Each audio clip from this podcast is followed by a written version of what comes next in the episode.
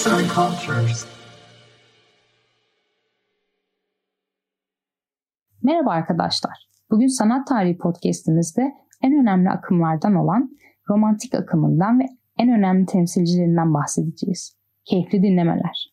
Romantizm 18. yüzyıl sonlarında İngiltere'de ortaya çıkan, daha sonra diğer Avrupa ülkelerine yayılarak Fransız devrimiyle de hareketlenip 19. yüzyıl başlarında en üst seviyeye ulaşan sanat akımıdır. Neoklasizme bir tepki olarak ortaya çıkmıştır. Romantik sözcüğü eski şövalyelik romanlarını saz şairleri çağına anımsatan şey anlamını içerirdi.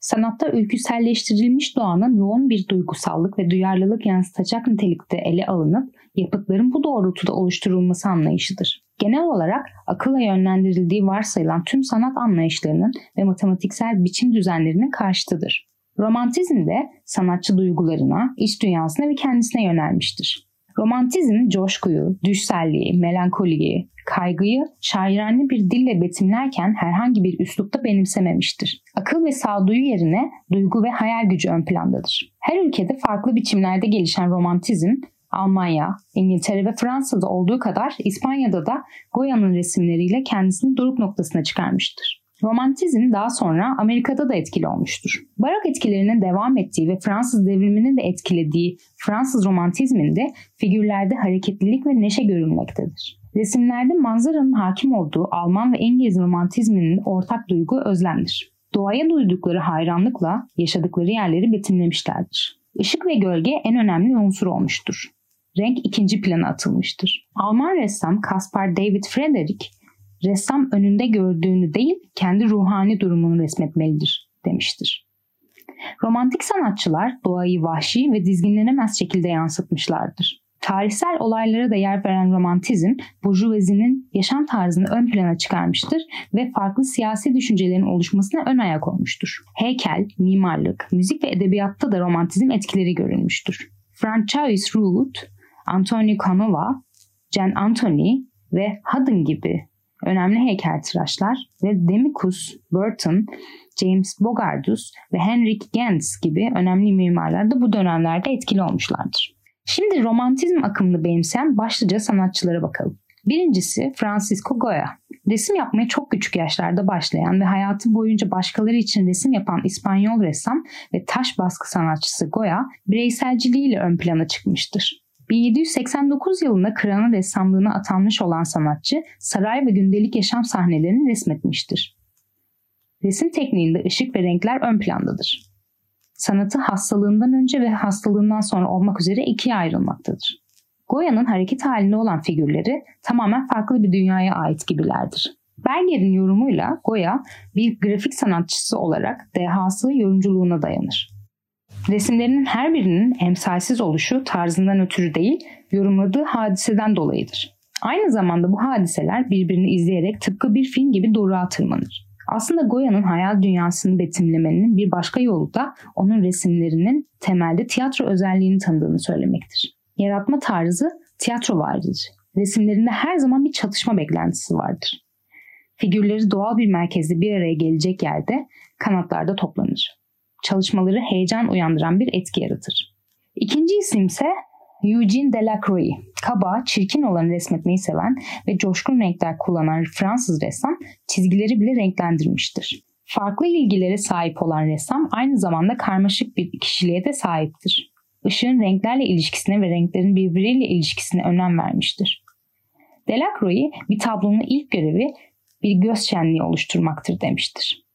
Onun için şöyle deniyor. Delacroix'in başarısı kimi zaman insanın yüceliğini ve doğal dokusunu bir çeşit hatırlama sanatı olarak görünür bana.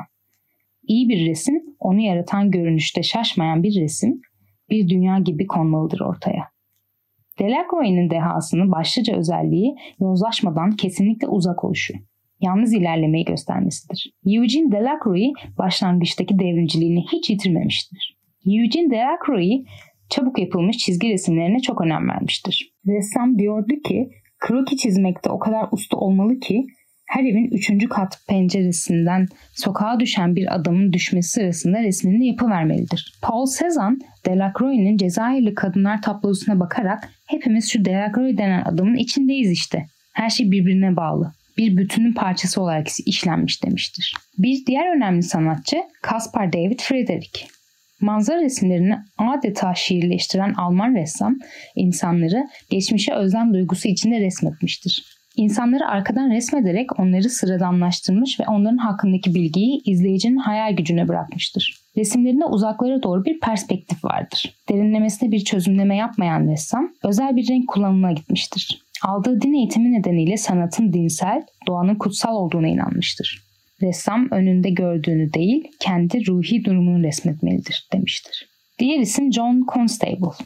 İngiliz romantik John Constable doğa resimlerini uygulayan ilk ressamdır. Günlük yaşam sahnelerini, vahşi manzaraları ve harabeleri resmeden ressam ışık ve rengi önem vermiştir. Eski ressamların gördükleri tarla, çimen, güneş daima atölyede hayalden çalışılmış ve yaratma değildir. Dünya büyüktür. İki gün birbirine benzemez. Hatta iki saat bile. Dünyanın yaratılışından bu yana birbirine benzeyen iki yaprak bile yoktur. Hakiki sanat eserleri doğanın eserleri gibi tamamen birbirinden farklıdır. Diğer isim William Turner.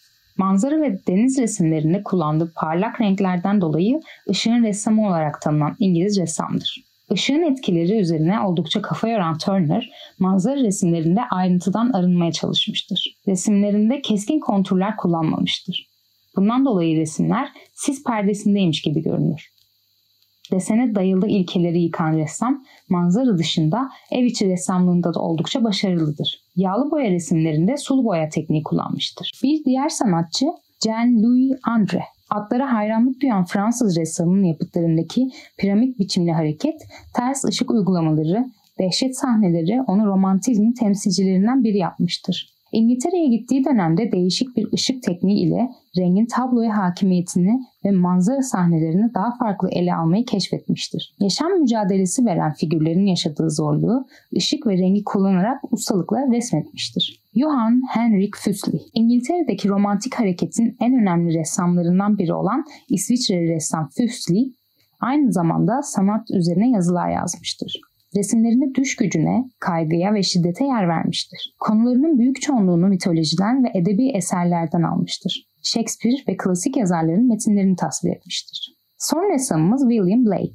Kendi dünyasında yalnızlığı seven, melankolik ve karmaşık düşleri olan İngiliz ressam ve şairdir. Dindar bir insandır ve akademik kurallarını önemsememiştir. Kendi düşsel ve fantastik dünyasında kendine oluşturduğu mitolojiyi resmetmiştir gerçek yaşamdan çizmeyi reddetmiştir. Romantik bir kişiliğe sahip olan Blake, saydamlığını sevdiği sulu boya tekniğinden çok yararlanmıştır. Yazan Görkem Tırıç, seslendiren Polen Biçer.